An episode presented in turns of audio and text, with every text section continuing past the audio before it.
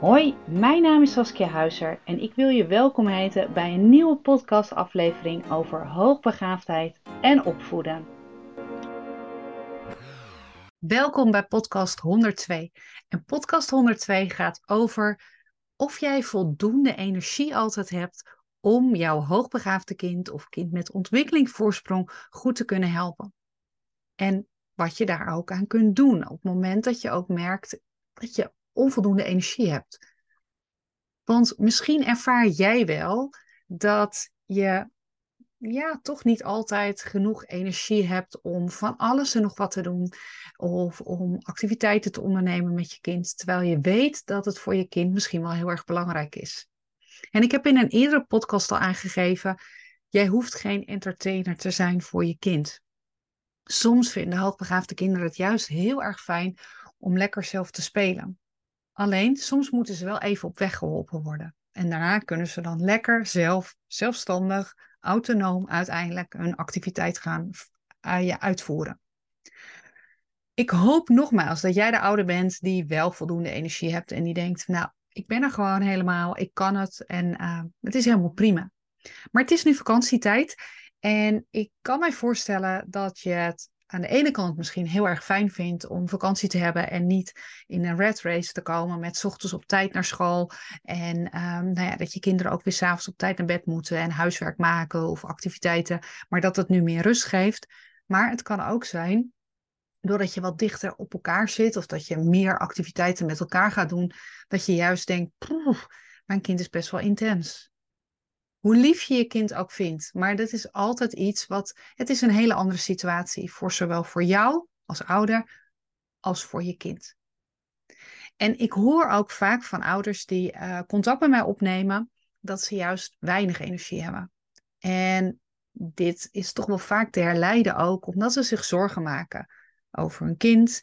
Of omdat het niet zo gezellig is thuis. Vanwege bijvoorbeeld discussies of ruzies. Of dat een kind heel teruggetrokken is en dat je ziet van nou het gaat niet lekker. Of juist heel erg aanwezig is. En als jij een tekort hebt aan energie, dan merk je ook dat je dit vaak ook overbrengt op de een of andere manier aan je kind. Het is een soort wisselwerking. Zit jij goed in een flow, dan zul je ook zien dat het vaak beter gaat met je kind. En dat is andersom ook, hè? Als het minder goed met je kind gaat, dan gaat het ook minder goed met jou. Nou, ik wil heel graag uh, een aantal punten wil ik vandaag bespreken in deze podcast, waaraan je misschien jezelf wat kunt helpen als ouder. En wat natuurlijk heel belangrijk is, en misschien denk je, ja, dus, als ja, heel leuk dat je dit benoemt, maar dat is toch wel het belang van zelfzorg. Want ik wil jou als ouder, wil ik jou heel bewust maken dat zelfzorg ongelooflijk belangrijk is. En ik begrijp best dat je heel veel tijd en energie aan je eigen kind wil geven, maar het is dus ook belangrijk om daar zelf iets mee te doen. Dus al is het soms maar 10 minuten even lekker wandelen of een podcast luisteren of je gaat even lezen. Of misschien is het niet 10 minuten, maar is het heel iets anders. Een boekje lezen of iets dergelijks. Het gaat erom dat je even bewust denkt, nu is het me time. En op het moment dat je daar ook bewust van bent, en of dat 10 minuten is, een uur, een halve dag, of maakt niet uit wat, zelfs die 10 minuten, dat kan een voldoende zijn als je even bewust heel met jezelf bezig bent. Misschien die ene meditatie doen. En dan kun je ook denken, oh ja, ik heb ook even die rust gehad.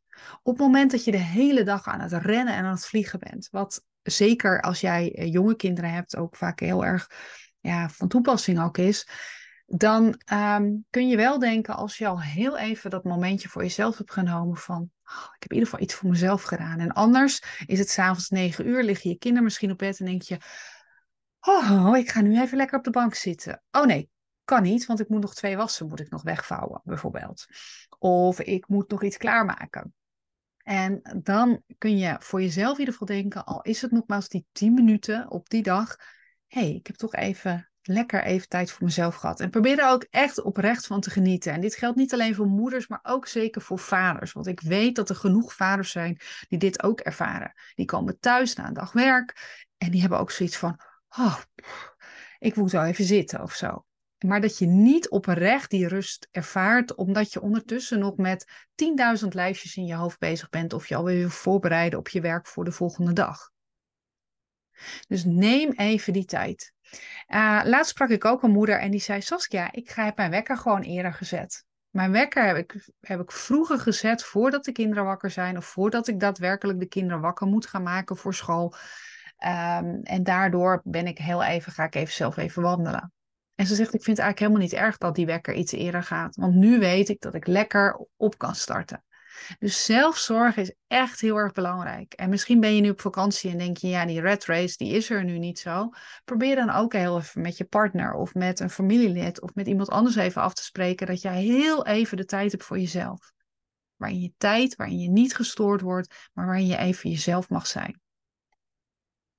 Verder wil ik ook aangeven dat als jij dus inderdaad, ik gaf het net al even aan, dat tekort aan energie ervaart, dit dus ook nou ja, van invloed is op je kind. Je bent vaak wat korter als je zelf minder energie hebt of als je minder lekker in je vel zit.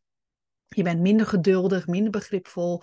En dat kan ook weer uiteindelijk de dynamiek in het gezin ook op een ja, negatieve manier, meestal is dat zo, kan beïnvloeden. En podcast 101 ging al hoe je het beste kan reageren ook bij in het geval van irritaties en hoe je het gezellig kan houden. Mocht je die podcast nog niet hebben beluisterd, zou ik het zeker doen. Hij doet ongeveer 11 minuten. Ik probeer korte podcasts te maken in de vakantie. Uh, maar dat je daarin ook kan kijken van hey, hoe kan ik dat dus ook uh, omzetten. En dat is dus in ieder geval door het belang van zelfzorg gaat dat in ieder geval goed. Nou, en dan heb je natuurlijk, uh, eigenlijk hoogbegaafde kinderen zijn eigenlijk, ja, eigenlijk in alle gevallen ook wel hoogsensitief. Bij de een wat meer zichtbaar dan de ander. Maar ja, deze kinderen nemen ook, en misschien doet jouw zoon of dochter dat ook, de emoties ook dus snel, uh, ervaren ze ook snel. Die nemen ze eigenlijk ergens ook over. Dus net gaf ik al aan het tekort van energieniveau, maar tegelijkertijd heeft het ook te maken ook wel met die gevoeligheid. Op het moment dat jij minder lekker in je vel zit of misschien wel s'nachts wakker ligt om je kind, dan uh, neemt je kind dat ergens ook over. Probeer je daar bewust van te zijn. Probeer het dus noods uit te spreken van ik maak me zorgen om. Of uh, als je denkt, wow, mijn kind is heel erg druk door alle prikkels wat hij of zij opdoet, bijvoorbeeld in de vakantie, of misschien wat minder goed gezond eten, wat ook vaak wel van kinderen, bij kinderen wel een, uh, iets kan doen. Uh, probeer het bespreekbaar te maken. En dit kan echt al met jonge kinderen al. Misschien niet met een peuter, maar vanaf kleuterleeftijd kun je dat echt wel bespreken. Nou ja, ik gaf net al aan dat ik het heel belangrijk vind dat jij dus ergens ook zorgt voor jezelf. Uh, probeer daar echt bewust mee bezig te zijn. Probeer anders eens een lijstje te maken van welke dingen zou ik blij mee zijn. En het kan variëren dan in iets wat vijf minuutjes duurt tot misschien wel een hele dag. Dat je zegt, ook oh, ga een dagje naar de sauna of ik ga een dagje lekker winkelen. Schrijf die eens op. En merk ook als je dat doet, en misschien ben je nu zelf nog op vakantie of ben je thuis, um, maar ga dat eens opschrijven. En kijk ook eens van wat voor gevoel je daarbij ervaart. Word je daar blij van? Um, zijn het uh, misschien een hobby die je weer terug, die je weer op gaat pakken, die je heel lang geleden voor het laatst hebt gedaan? Ga eens kijken. Kun je misschien andere mensen ervoor inzetten? Um, ik zei laatst tegen mijn partner, wij hebben vroeger hebben tango gedanst. En dat doen we eigenlijk nu al heel lang niet meer. Ergens kriebelt het, dat ik denk, oh, zo gezellig met z'n tweeën. S'avonds een, een dansles en dan nog even met andere mensen praten. En misschien ook nog even gaan dansen of zo. Dan denk ik, ja, daar moet ik wel zelf iets voor doen. Daar heb ik ook andere mensen voor nodig. In dit geval heb ik een oppas nodig. Maar ik kan ook een keer vragen of misschien de kinderen een keer bij mijn ouders mogen slapen. Ik weet niet of jij dit soort hulpbronnen ook hebt, maar mocht je zo'n hulpbron hebben, al is het een vriendin, al is het een buur, kijk eens, uh, maar probeer die af en toe eens in te zetten. Want andersom zouden ze het ook fijn vinden, misschien als jij een keer een hulpbron kan zijn voor hen. Dus kijk even wat voor jou mogelijk is.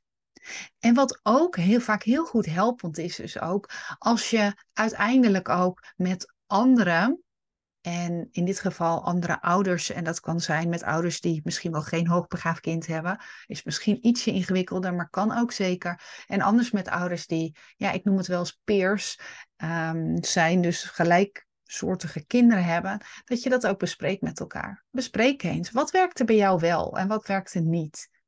En hoe gaat het op het moment dat jij je niet helemaal happy voelt? Misschien kun je elkaar wel ondersteunen en kun je een hulpbron voor elkaar zijn het delen van ervaringen over over bepaalde zaken kunnen echt uh, jou inspireren, maar ook anderen. En ook hele nuttige inzichten geven ook. Dus kijk eens hoe je dat ja, in elkaar zeg maar kan laten verlopen. En ik denk dat het niet alleen jou goed doet, maar uiteindelijk ook je kind. Want we zeggen wel eens, als het met je kind goed gaat, dan gaat het goed met jou, maar andersom is het ook zeker. Kijk daarnaar. En ik hoop dat het voor jou, al is het dat kleine stukje zelfzorg, maar dat je ervan kunt genieten en dat het positieve uitwerking heeft. En dat zorgt echt voor jou, voor je kind en uiteindelijk denk ik ook voor je gezin als je meerdere kinderen ook hebt. Dankjewel voor het luisteren van deze podcast. En ik wil je er nog, toch nog even op wijzen dat tot en met 1 september kun je uiteindelijk ook meedoen met de weggeefactie. Ik geef een oude begeleidingssessie geef ik weg. En uh, ter waarde van 125 euro. En deze kun jij winnen. En misschien denk je dan, Saskia, hoe kan ik die winnen? Nou, eigenlijk is dat vrij makkelijk. Ik zal in ieder geval de show notes zal ik ook neerzetten wat je precies moet doen. En de show notes is eigenlijk de tekst die bij deze podcast hoort. Of je nou op Apple luistert, of op Amazon, of uh, op Google, of op Spotify. Er staat een tekst onder deze podcast als je erop klikt.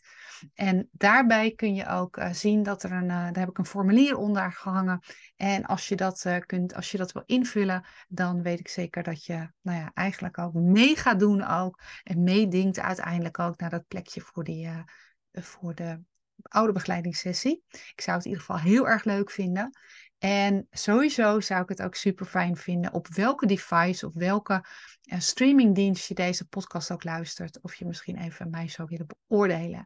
En naast dat ik het sowieso fijn vind om te weten hoe jij mijn podcast vindt, dat kun je trouwens ook in dat formulier aangeven.